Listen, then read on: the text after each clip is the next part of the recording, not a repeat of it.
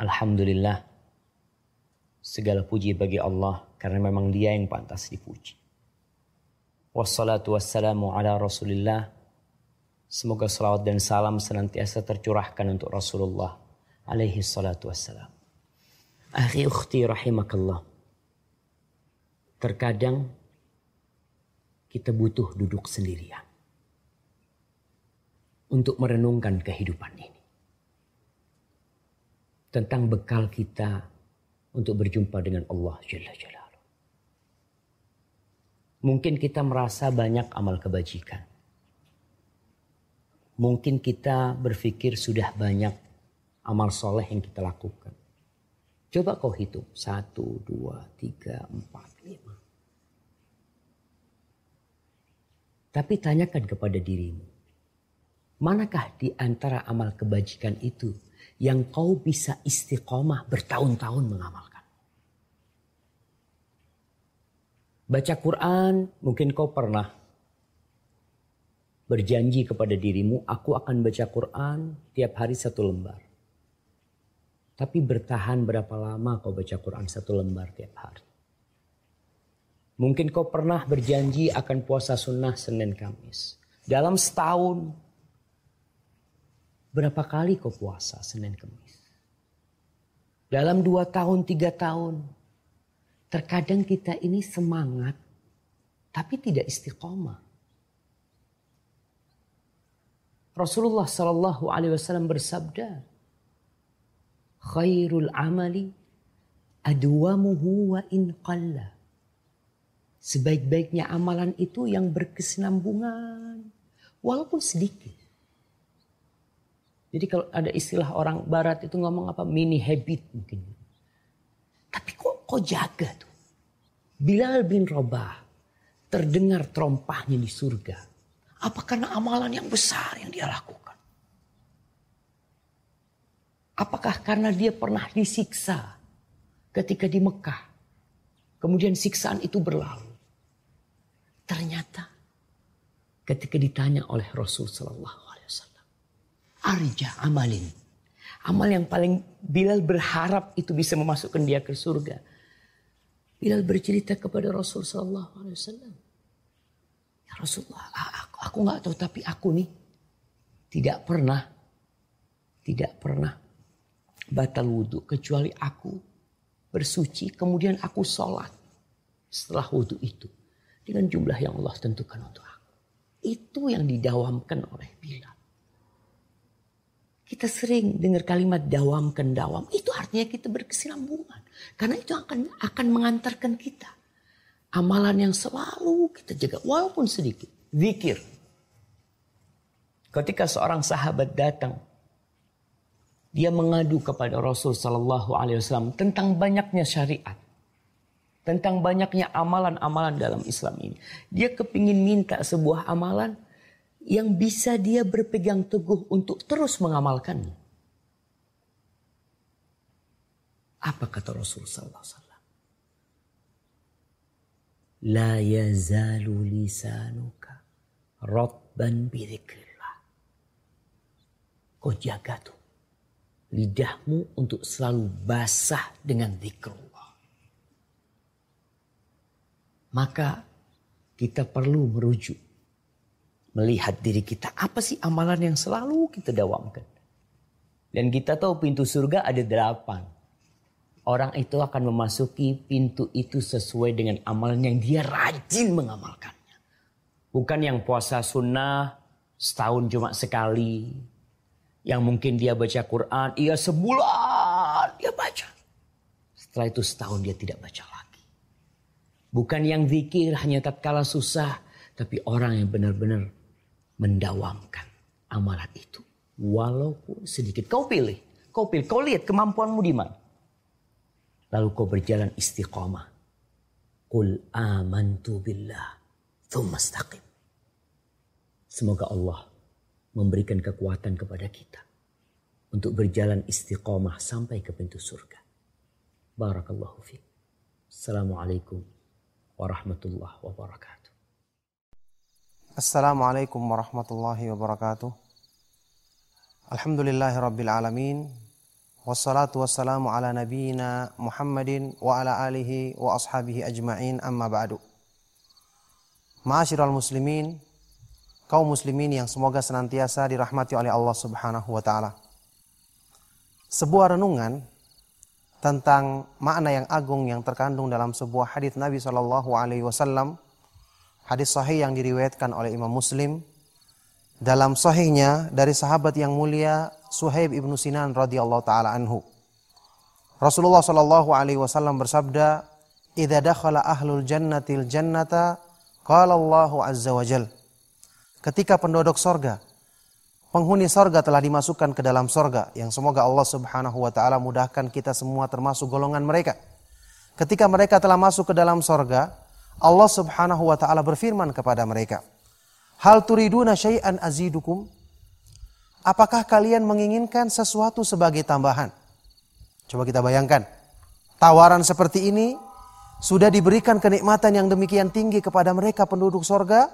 Karena kemuliaannya dan sempurnanya balasan di akhirat. Allah tawarkan lagi, apakah kalian ingin tambahan?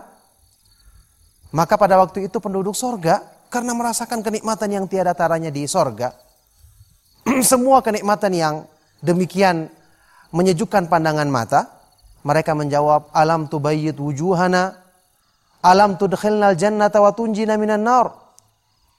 Ya Allah, bukankah engkau telah menjadikan elok wajah-wajah kami?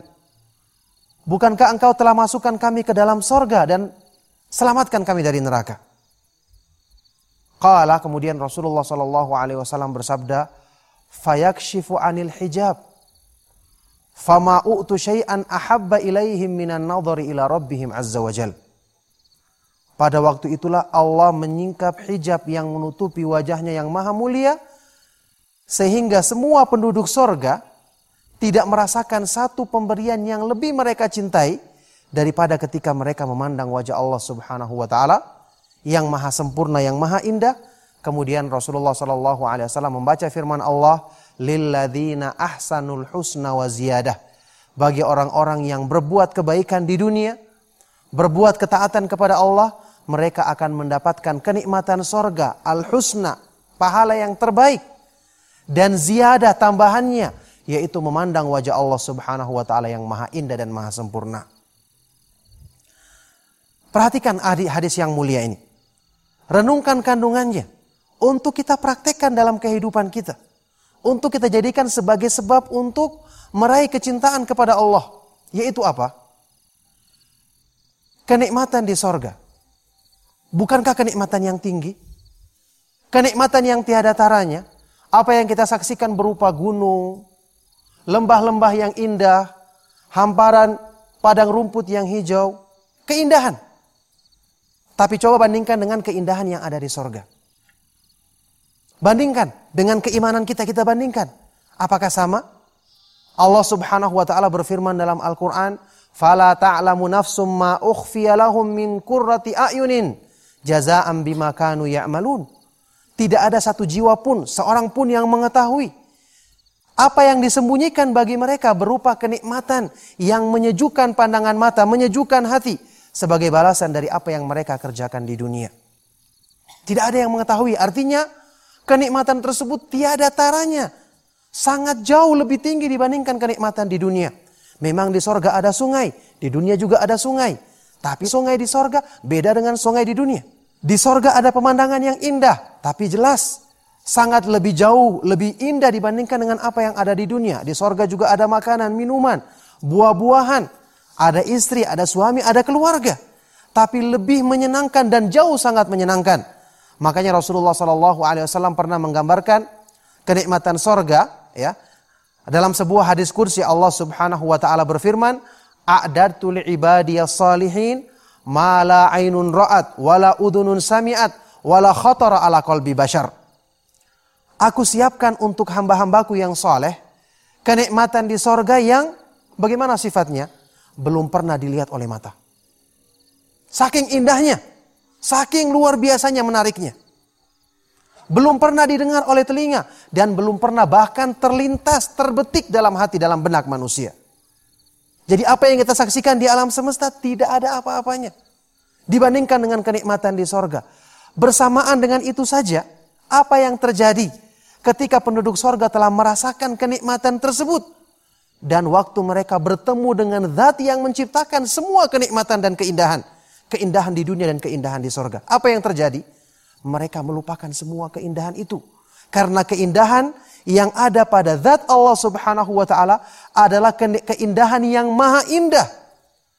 Kesempurnaan yang maha tinggi. Yang sampai ketika merasakan kenikmatan di sorga saja, penduduk sorga merupakan semua keindahan yang ada di sorga. Fama'u'tu syai'an ahabba ilaihim minan nadhari ila rabbihim azza wajal. Maka penduduk sorga tidak merasakan satu pemberian yang lebih mereka cintai daripada ketika mereka bertemu dan memandang wajah Allah subhanahu wa ta'ala. Jadi bayangkan, apa yang kita bisa ambil faedah wahai kaum muslimin dari kisah atau dari hadis yang sahih ini, kita mengambil faedah keindahan di dunia yang kita saksikan, pemandangan-pemandangan berupa gunung yang hijau, lautan yang biru, matahari terbit, matahari terbenam, padang rumput yang menghijau, ini keindahan.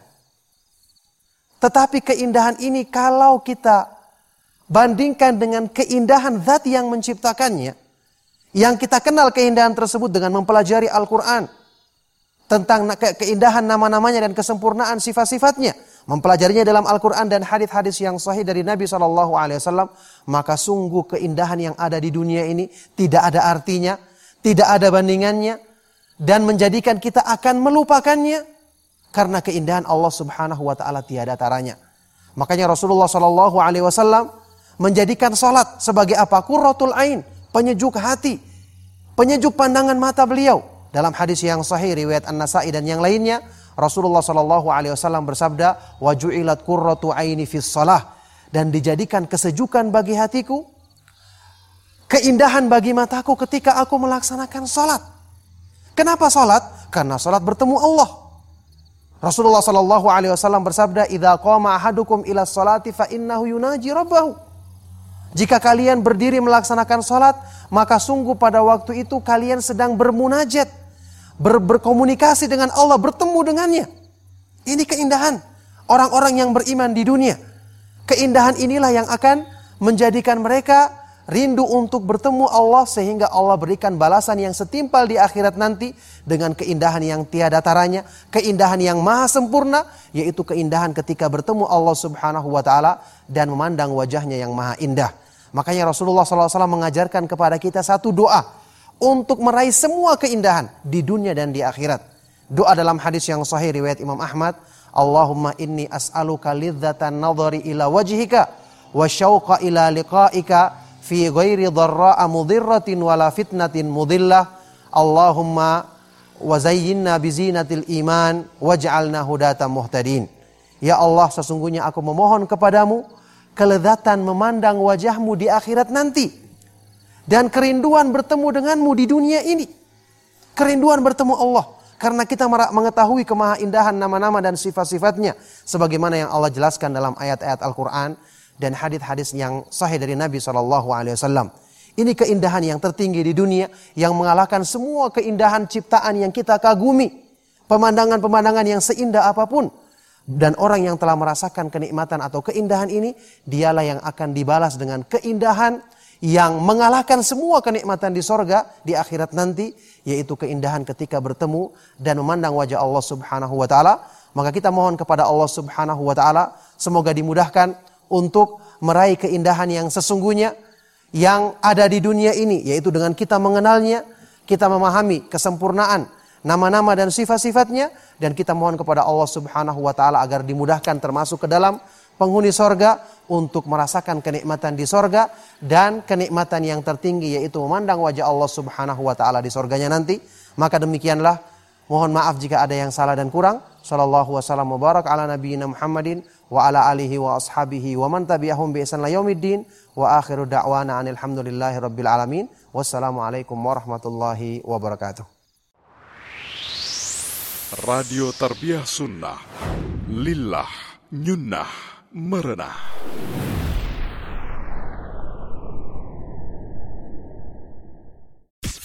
قال الرسول. قال الرسول. صلى الله عليه وسلم.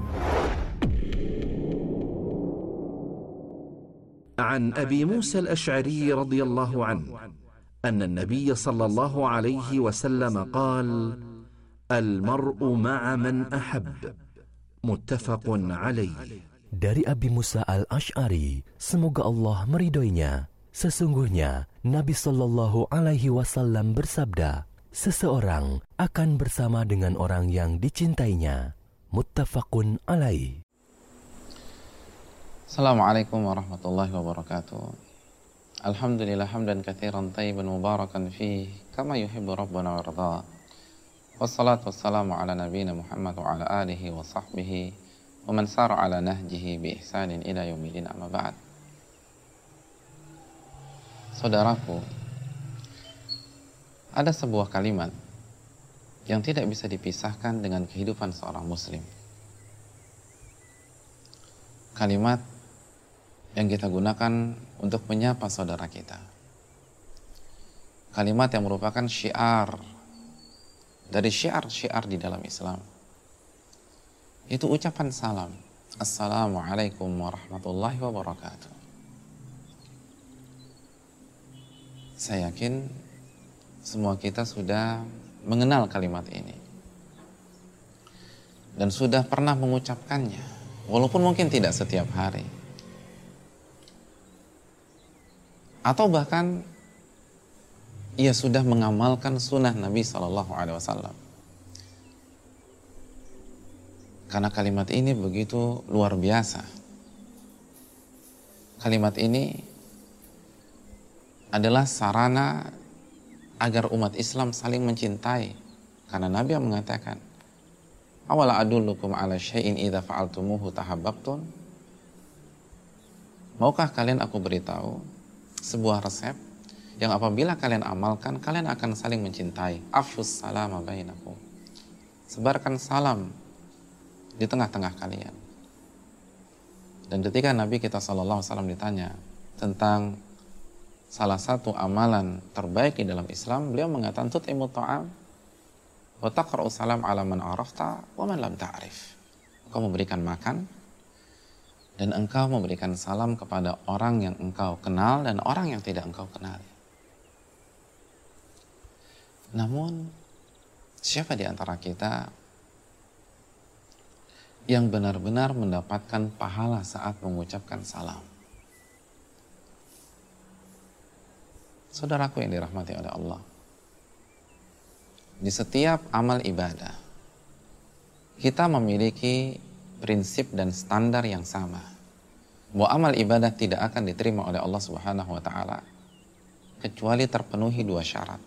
Syarat yang pertama ikhlas kepada Allah dan syarat yang kedua mengikuti tuntunan Nabi Shallallahu Alaihi Wasallam. Begitu juga ketika kita berbicara tentang salam. Saat kita mengucapkan Assalamualaikum warahmatullahi wabarakatuh, maka ini menunjukkan kita sudah mengikuti tuntunan Rasulullah Shallallahu Alaihi Wasallam. Sehingga pertanyaan terakhirnya,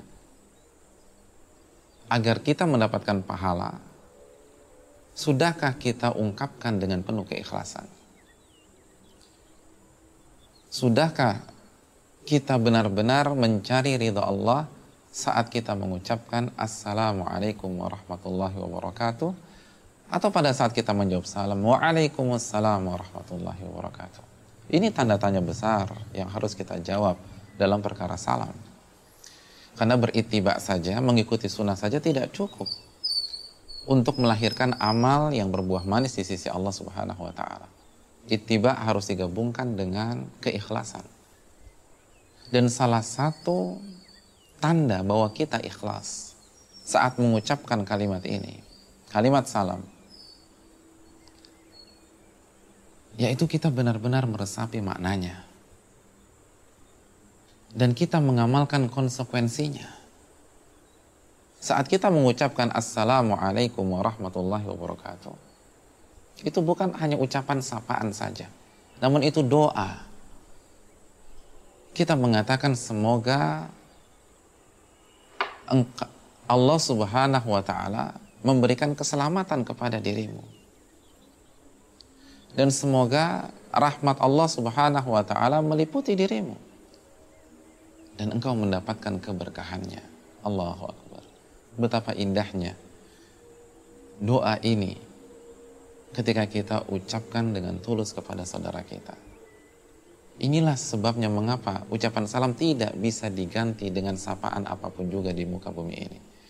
Karena berbeda dengan selamat pagi, berbeda dengan selamat sore, atau ucapan-ucapan yang lain. Karena pada saat itu kita mendoakan agar saudara kita selamat. Agar saudara kita mendapatkan rahmat. Dan agar saudara kita mendapatkan keberkahan. Ibnul Qayyim mengatakan berkah adalah ketika kita mendapatkan kebaikan yang banyak dan langgeng. Bukan hanya satu dua detik. Jadi pada saat kita mengucapkan Assalamualaikum warahmatullah. Kita berharap orang tersebut dijaga dan diselamatkan oleh Allah baik di dunia maupun di akhirat. Dan dia mendapatkan rahmat Allah. Dan ia mendapatkan kebaikan demi kebaikan dalam waktu yang sangat lama. Sudahkah itu meresap di dalam hati kita ketika kita mengucapkan Assalamualaikum? Atau hanya sekedar formalitas saja? Hanya sekedar budaya saja? Hanya sekedar kebiasaan saja?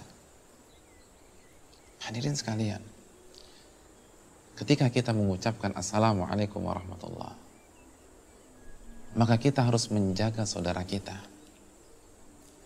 Karena kita baru saja mendoakan dia agar selamat di dunia dan akhirat. Maka kita punya konsekuensi, kita punya tanggung jawab untuk menjaga keselamatannya. Yang pertama tentu saja, keselamatan akhiratnya. Ketika kita melihat dia melakukan kemungkaran, melakukan kemaksiatan, atau melakukan kebitahan atau kesyirikan, sudahkah kita memiliki pemikiran saya harus menyelamatkan dia dari siksa api neraka? Bagaimana cara saya menasehati dia? Bagaimana agar dia selamat dan bagaimana agar dia meninggalkan kesalahan dan kemungkarannya? Ini yang harus ada di benak kita, harus ada dalam hati kita. Bukan kita biarkan saja dia tenggelam di dalam kemaksiatan. Bukankah baru saja Anda mengatakan Assalamualaikum warahmatullahi wabarakatuh? Kita ingin dia selamat di dunia dan di akhirat.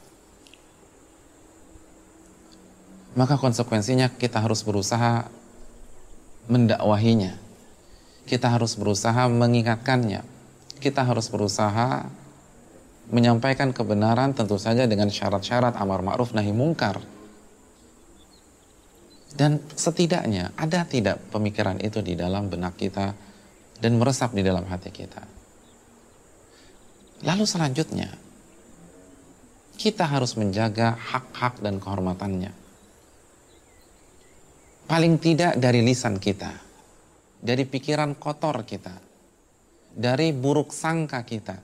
Ketika kita mengucapkan Assalamualaikum warahmatullahi wabarakatuh, maka kita tidak boleh mencacinya kita tidak boleh memakinya. Kita tidak boleh buruk sangka kepada dia.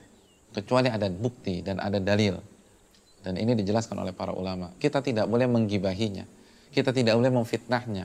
Kita tidak boleh mengolok-olok dirinya. Kita tidak boleh menyudutkannya. Sufyan bin Uyainah pernah mengatakan, ketika kita mengucapkan Assalamualaikum warahmatullah dan dijawab Waalaikumsalam warahmatullahi wabarakatuh maka maknanya anta minni salim wa ana minka salim. Engkau selamat dari gangguanku dan aku pun selamat dari gangguanmu. Allahu akbar. Jadi ketika kita mengucapkan assalamualaikum warahmatullah, kita dituntut untuk menjaga kehormatan, menjaga perasaan, menjaga hak orang tersebut. Karena kita baru saja mendoakan keselamatan, rahmat Allah dan kebaikan untuk dia. Sungguh hal yang aneh dan lucu. Lima menit yang lalu kita mengucapkan Assalamualaikum warahmatullahi wabarakatuh. Lalu saat ini kita olok-olok dia. Kita tertawakan. Kita gibahi. Kita fitnah. Kita berburuk sangka. Ini hal yang tidak benar. Berarti ketika Anda mengucapkan Assalamualaikum, Anda tidak tulus dari dalam hati. Itu hanya permainan bibir Anda saja jangan menjadi orang munafik ketika mengucapkan salam. Kita tahu tanda orang munafik idza haddatsa kadzab. Jika dia berbicara, dia berdusta. Anda baru saja mendoakan agar dia mendapatkan keselamatan di dunia dan di akhirat, mendapatkan kebaikan, mendapatkan rahmat. Lalu saat ini Anda membicarakan dirinya, Anda berburuk sangka kepada dia, Anda celah dia, Anda sakiti perasaannya, Anda zolimi dia, Anda tipu dia. Ini pelajaran bagi kita. Maka orang yang mengucapkan Assalamualaikum warahmatullahi wabarakatuh, warahmatullahi wabarakatuh, dia harus menjaga lisannya di hadapan saudaranya dia harus berkata-kata yang lembut untuk saudaranya. Dia harus menginginkan kebaikan untuk saudaranya. Dia harus berkata jujur untuk saudaranya. Ketika ada seorang calon pembeli mendatangi toko kita, maka kita harus jujur dalam menjelaskan. Jangan kita tipu. Bukankah Anda baru saja mengucapkan Waalaikumsalam warahmatullahi wabarakatuh? Jangan menjadi munafik ketika mengatakan syiar Islam yang satu ini. Karena syiar ini sangat agung. Kitalah orang yang pertama dituntut untuk menjaga haknya saat kita mengucapkan Assalamualaikum warahmatullahi wabarakatuh. Ingatlah perkataan Sufyan bin Uyainah, Anta minni salim, wa ana minka salim. Engkau selamat dari gangguanku, engkau selamat dari cacianku, engkau selamat dari ucapan lisanku, dan aku pun selamat dari ucapan lisanmu dan ulahmu kita saling menjaga perasaan, menjaga hak, dan menjaga keselamatan di antara kita. Inilah alasannya mengapa Nabi menyatakan bahwa salam akan membuat kita saling mencintai. Bukan salam yang sekedar formalitas. Bukan salam yang hanya sekedar pemanis bibir. Bukan salam yang basa-basi. Namun salam yang keluar dari lubuk hati paling dalam dan pengucapnya berusaha mengamalkan makna dan konsekuensinya. Semoga salam kita semakin berkualitas, semakin ikhlas, semakin tulus, dan bukan seperti lisan orang-orang munafik yang dikatakan oleh Nabi kita SAW, Idha haddatha. Jika dia berbicara, maka dia berdusta. Kita doakan keselamatan, lalu kita yang melukai perasaannya, yang menggunjingnya, dan menyakiti dirinya. Semoga kita dijaga oleh Allah Subhanahu wa taala. Dan semoga Allah Subhanahu wa taala memudahkan kita untuk menjalankan sunnahnya yang satu ini, sebuah syiar Islam yang bernama Assalam. Assalamualaikum warahmatullahi wabarakatuh.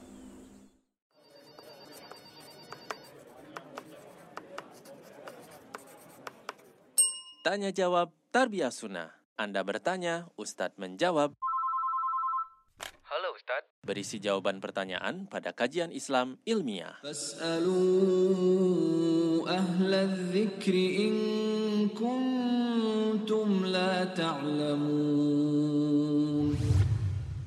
Afan Ana bertanya di luar tema, namun hari Selasa Ana mau berangkat nazar dulu. Ana mau hmm, tanyakan bagaimana nador yang syar'i menurut sunnah. Ya lihat aja. Boleh terang-terangan, boleh ngintip. Boleh ngintip kalau mau nador ya. Asal betul dengan niat mau menikahi. Kalau tidak berniat menikahinya nggak boleh nador. Tiap hari nador akhwat terus. Kamu kenapa nador sunnah loh. Mau menikahi? Enggak ada, saya sudah punya. Enggak boleh itu maksiat dosa ya. Jadi nazar hanya kepada wanita yang mau dinikahi baik sepengetahuan wanita itu ataupun diam-diam mengintip ya dibolehkan ya. Nah kalau sekarang kondisi sekarang ngintip kan susah ya. Nah udah terang-terangan ahwat saya mau menikahi uh, ukti tapi saya mau nazar dulu. Boleh kapan? besok atau sekarang langsung pulang bilang ke ayah saya langsung datang langsung datang ke rumahnya ada ayahnya ada ibunya ada mahramnya langsung datang si ahwat itu nanti membuka cadarnya inilah wajah saya kalau ternyata klop ya udah saya jadi deh gitu ya lalu silakan bicarakan langkah selanjutnya sesegera mungkin gitu saja yang nganternya boleh ikut nazar? Nggak boleh, dia tunggu di luar ya. Tanya jawab Tarbiyah Sunnah. Anda bertanya, Ustadz menjawab.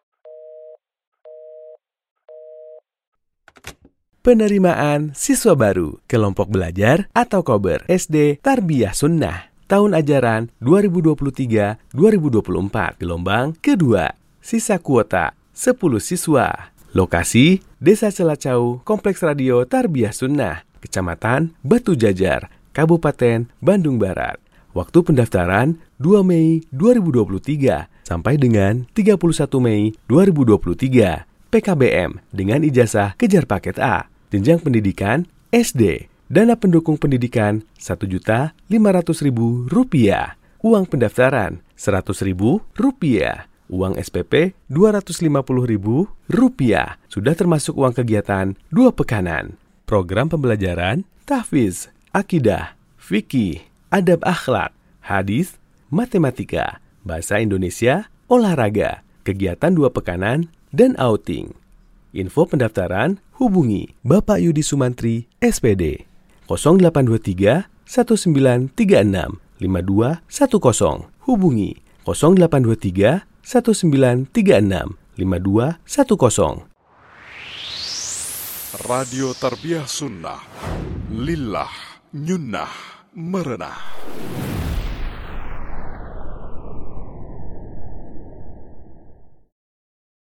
Bismillahirrahmanirrahim.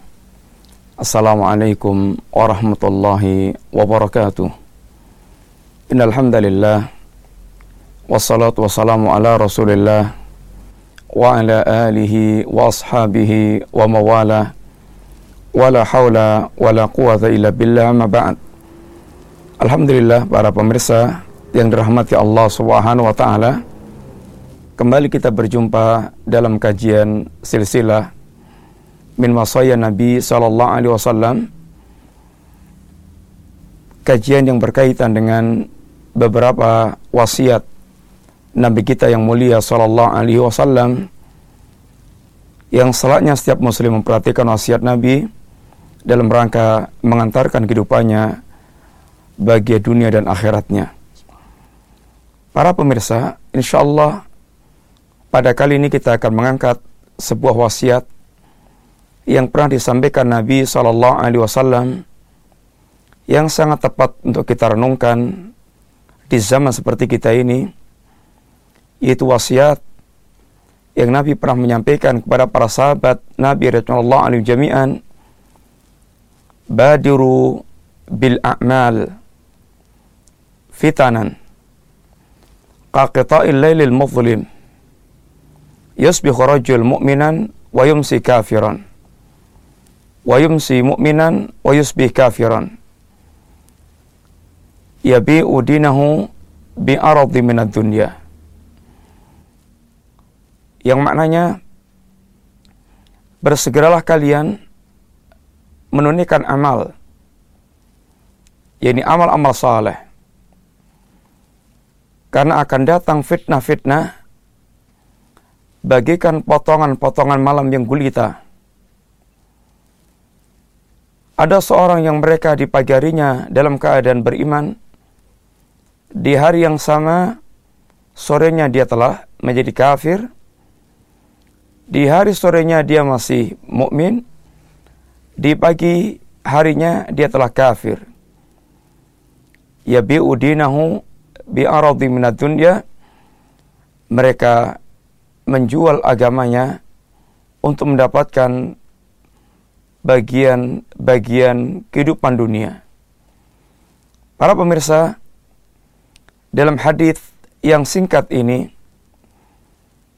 paling tidak ada beberapa poin penting yang perlu kita perhatikan. Yang pertama, pemberitaan Rasulullah SAW tentang berbagai macam fitnah-fitnah yang akan terjadi, yang akan menimpa umat ini. Yang kedua, bagaimana Rasulullah Sallallahu Alaihi Wasallam mengajarkan kepada kita cara menyelamatkan dari fitnah-fitnah yang ada dengan segera beramal. Dan yang ketiga, Nabi mengingatkan tentang dahsyatnya fitnah dunia bagi seseorang hingga di antara mereka ada yang menjual agama mereka untuk mendapatkan potongan kehidupan dunia. Para pemirsa yang dirahmati Allah Subhanahu wa taala, mari kita lihat satu persatu dari yang terkandung di dalam wasiat Nabi yang sangat agung ini. Wasiat yang sangat layak untuk kita renungkan khususnya di zaman fitnah seperti zaman kita ini. Rasulullah SAW dalam wasiat yang telah kita bacakan, beliau di antaranya menyampaikan khobar-khobar akan datangnya berbagai macam fitnah-fitnah di tengah-tengah kehidupan manusia. Bahkan dahsyatnya fitnah digambarkan Nabi dengan beberapa gambaran yang merupakan ungkapan-ungkapan yang menunjukkan sangat dahsyatnya fitnah yang datang. Seperti di antaranya dalam hadis yang tadi kita baca, Nabi mengungkapkan datangnya fitnah kaqita'il lailil muflin. Bagikan potongan-potongan malam yang gulita. Yang akan membuat manusia gelap, tidak bisa melihat, tidak bisa membedakan, kecuali orang yang mereka diberikan cahaya oleh Allah Subhanahu wa taala sehingga dia akan bisa menyingkap gelapnya fitnah dengan cahaya ilmu yang diberikan Allah taala. Dalam hadis yang lainnya dikatakan Nabi wa taji'ul fitnah fayuraqiqu ba'dha ba'dhan fitnah akan datang dan sifatnya datangnya fitnah berikutnya lebih dahsyat dibandingkan sebelumnya. Sehingga yang datang berikutnya mengecilkan arti fitnah yang datang sebelumnya. Menunjukkan gelombang fitnah yang semakin besar. Dalam hadis yang lainnya dikatakan datangnya fitnah allati tamuju kamujil bahr. Bagaikan gelombang lautan yang sangat dahsyat. Sehingga orang tidak akan selamat. Kecuali mereka memiliki kekuatan, keteguhan, seteguh, sekokoh karang yang ada di lautan. Dalam hadis yang lainnya dikatakan, Kama waqi'il seperti hujan yang turun merata di mana-mana sehingga fitnah menyebar dan meluas ke berbagai tempat. Sebagaimana di zaman kita hampir tidak ada rumah tangga kaum muslimin oleh fitnah telah masuk ke dalamnya atau bahkan telah masuk ke kantong-kantong setiap kaum muslimin. Bukankah hampir tidak ada di tengah-tengah muslimin yang mereka tidak memiliki televisi yang banyak menyajikan acara-acara fitnah yang menggelincirkan dari agama atau bahkan bagaimana banyak orang mereka maftun terfitnah dengan HP yang ada di kantong-kantong mereka sehingga dengan HP banyak orang terjerumus dalam berbagai macam fitnah-fitnah yang sangat merusak kehidupan mereka. Para pemirsa yang rahmati Allah SWT, ini gambaran fitnah yang disebutkan Rasulullah SAW.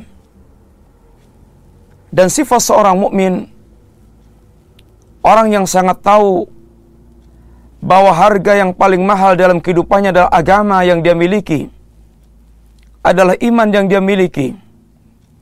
Maka dia sangat mengkhawatirkan akan datangnya setiap fitnah yang datang di tengah-tengah kehidupannya, maka dikatakan Nabi SAW, seorang mukmin ketika datang fitnah, watajiul fitnah, fayaqulul mukmin, hadhihi muhlikati.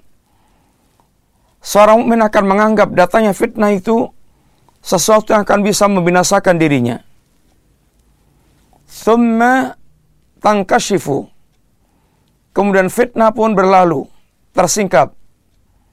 Wa taji'ul fitnah wa yaqulul mu'min hadhihi hadhihi.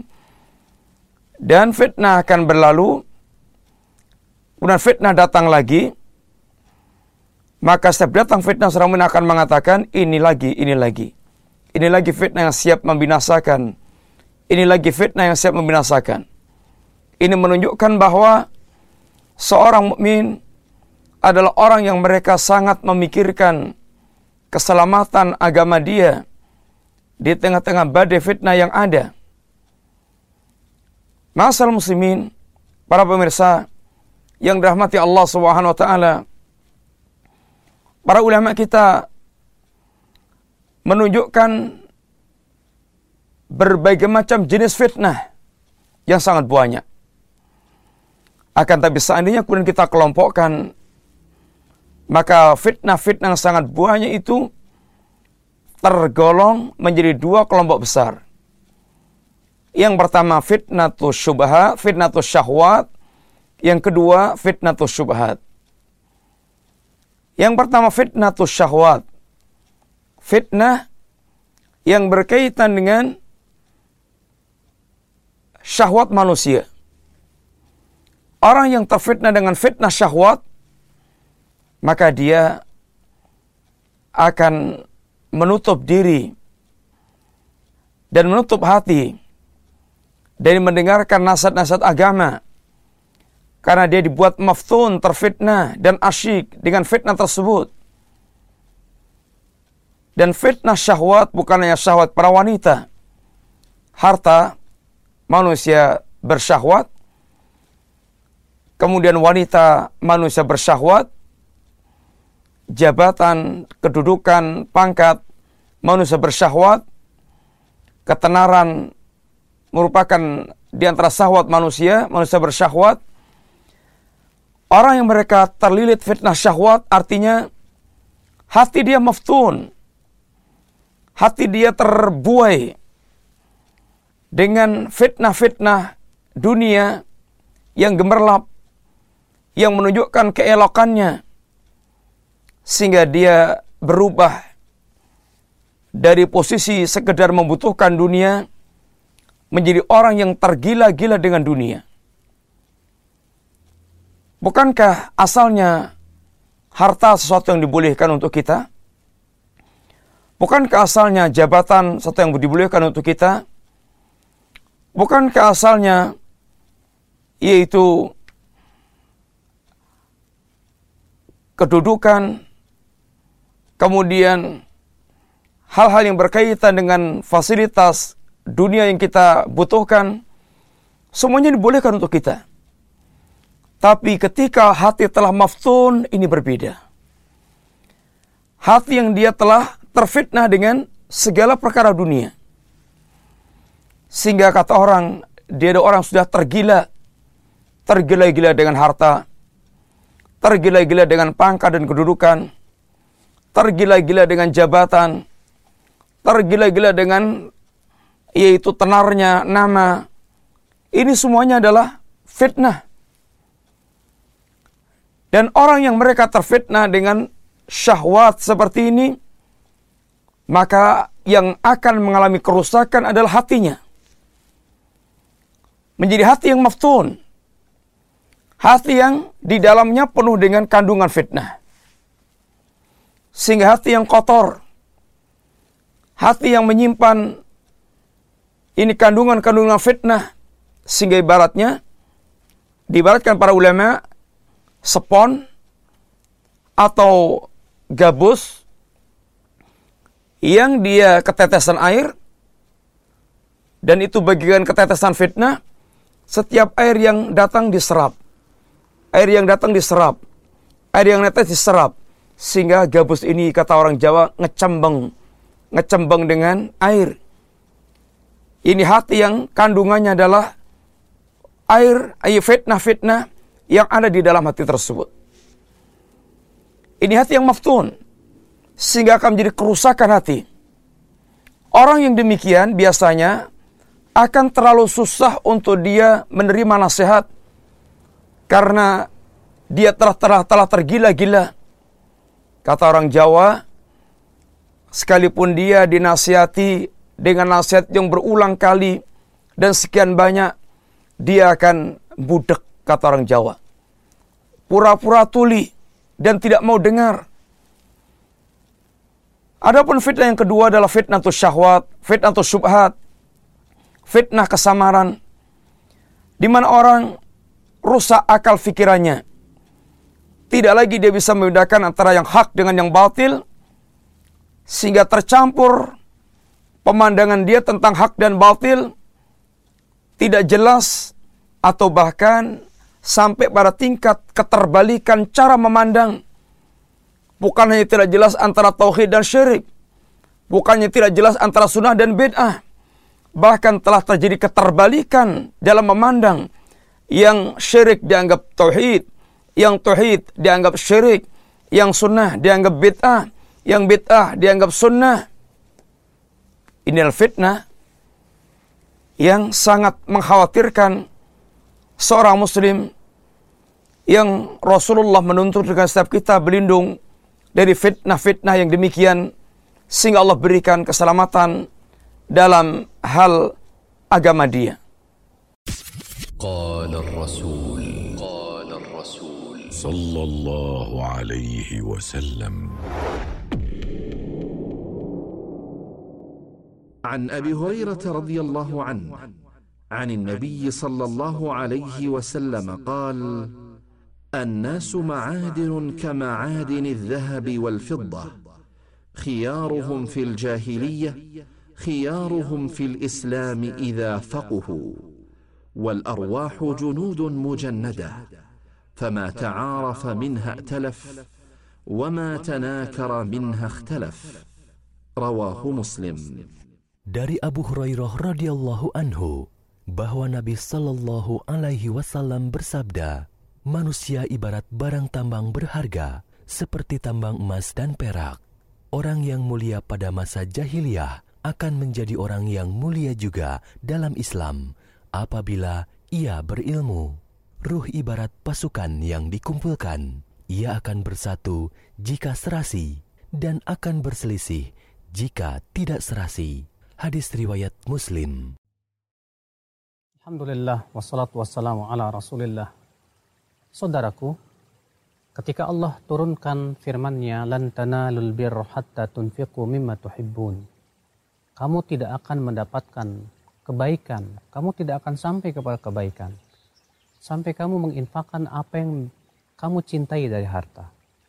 Ketika Allah turunkan ayat ini, ada seorang sahabat Nabi yang terkenal kaya raya yang bernama Abu Talha datang kepada Rasulullah Shallallahu Alaihi Wasallam. Lalu ia berkata, Ya Rasulullah, telah diturunkan ayat lantana tanalul birra tunfiqu. Dan sesungguhnya hartaku yang paling aku cintai, ya Rasulullah, adalah sebuah sebidang tanah yang ada di depan masjid yang bernama yang yang bernama Bayraha. Ia adalah merupakan kebun yang Rasulullah suka masuk ke situ. Di mana Rasulullah SAW suka minum ya dari airnya yang segar. Dan itu adalah merupakan harta yang paling disukai oleh Abu Talha. Ketika Allah turunkan ayat lan tanalul birra hatta tunfiqu mimma tuhibbun. Kamu tidak akan mencapai kebaikan sampai kamu menginfakkan apa yang kamu cintai. Abu Talha berkata, Hai Rasulullah, aku saksikan bahwa aku menginfakannya di jalan engkau. Di jalan Allah subhanahu wa ta'ala maksudnya. Subhanallah. Apa, apa kata Rasulullah? Rasulullah mengatakan, bah, bah. Dhaka malun rabih. Itu harta yang sangat menguntungkan sekali. Aku, aku, aku memandang, aku berpendapat, kata Rasulullah, kamu bagikan untuk saudara-saudaramu saja, karib kerabatmu. Masya Allah saudaraku, sebuah kisah yang tentunya memberikan faedah besar. Lihatlah sahabat ini, bagaimana mereka begitu turun ayat Allah, segera mereka mempraktekkan perintah Allah Subhanahu wa taala tersebut. Allah mengatakan, kamu tidak akan sampai kepada kebaikan sampai kamu menginfakkan apa yang kamu cintai. Maka Abu Talha ini segera melihat hartanya yang paling ia cintai segera ia, ia infakkan di jalan Allah. Adakah ya akhal Islam keimanan yang luar biasa seperti ini? Makanya salafus saleh semakin mencintai suatu harta semakin malah mereka infakkan di jalan Allah. Karena mereka sadar bahwasannya harta itu hakikatnya yang akan mereka bawa adalah yang sudah diinfakkan. Rasulullah mengatakan, Yakulu ibnu Adam, berkata anak Adam, hartaku, hartaku. Padahal hartanya hakikatnya kata Rasulullah yang sudah ia makan, atau yang ia sudah pakai, atau yang sudah ia sedekahkan. Maka apa yang kita sudah sedekahkan itulah yang akan kita bawa sampai ke surga insya Allah. Kisah yang luar biasa saudaraku. Sahabat ini ya adalah sahabat yang betul-betul tunduk kepada Allah dan Rasulnya. Ia infakkan hartanya yang paling dicintai maka sudahkah kita berusaha seperti ini mengaplikasikan ayat sehingga kita termasuk orang-orang yang dicintai oleh Allah Subhanahu wa taala. Semoga kita termasuk orang-orang saudaraku, termasuk orang-orang yang senantiasa berjiwa dermawan dan berusaha untuk menginfakkan apa yang kita cintai dari harta kita. Karena mencintai harta itu hanya akan merusak hati dan menyebabkan kita akhirnya kurang berlomba menuju kehidupan akhirat. Wabillahi taufik. Sallallahu ala nabina Muhammadin wa alihi wa sahbihi wasallam.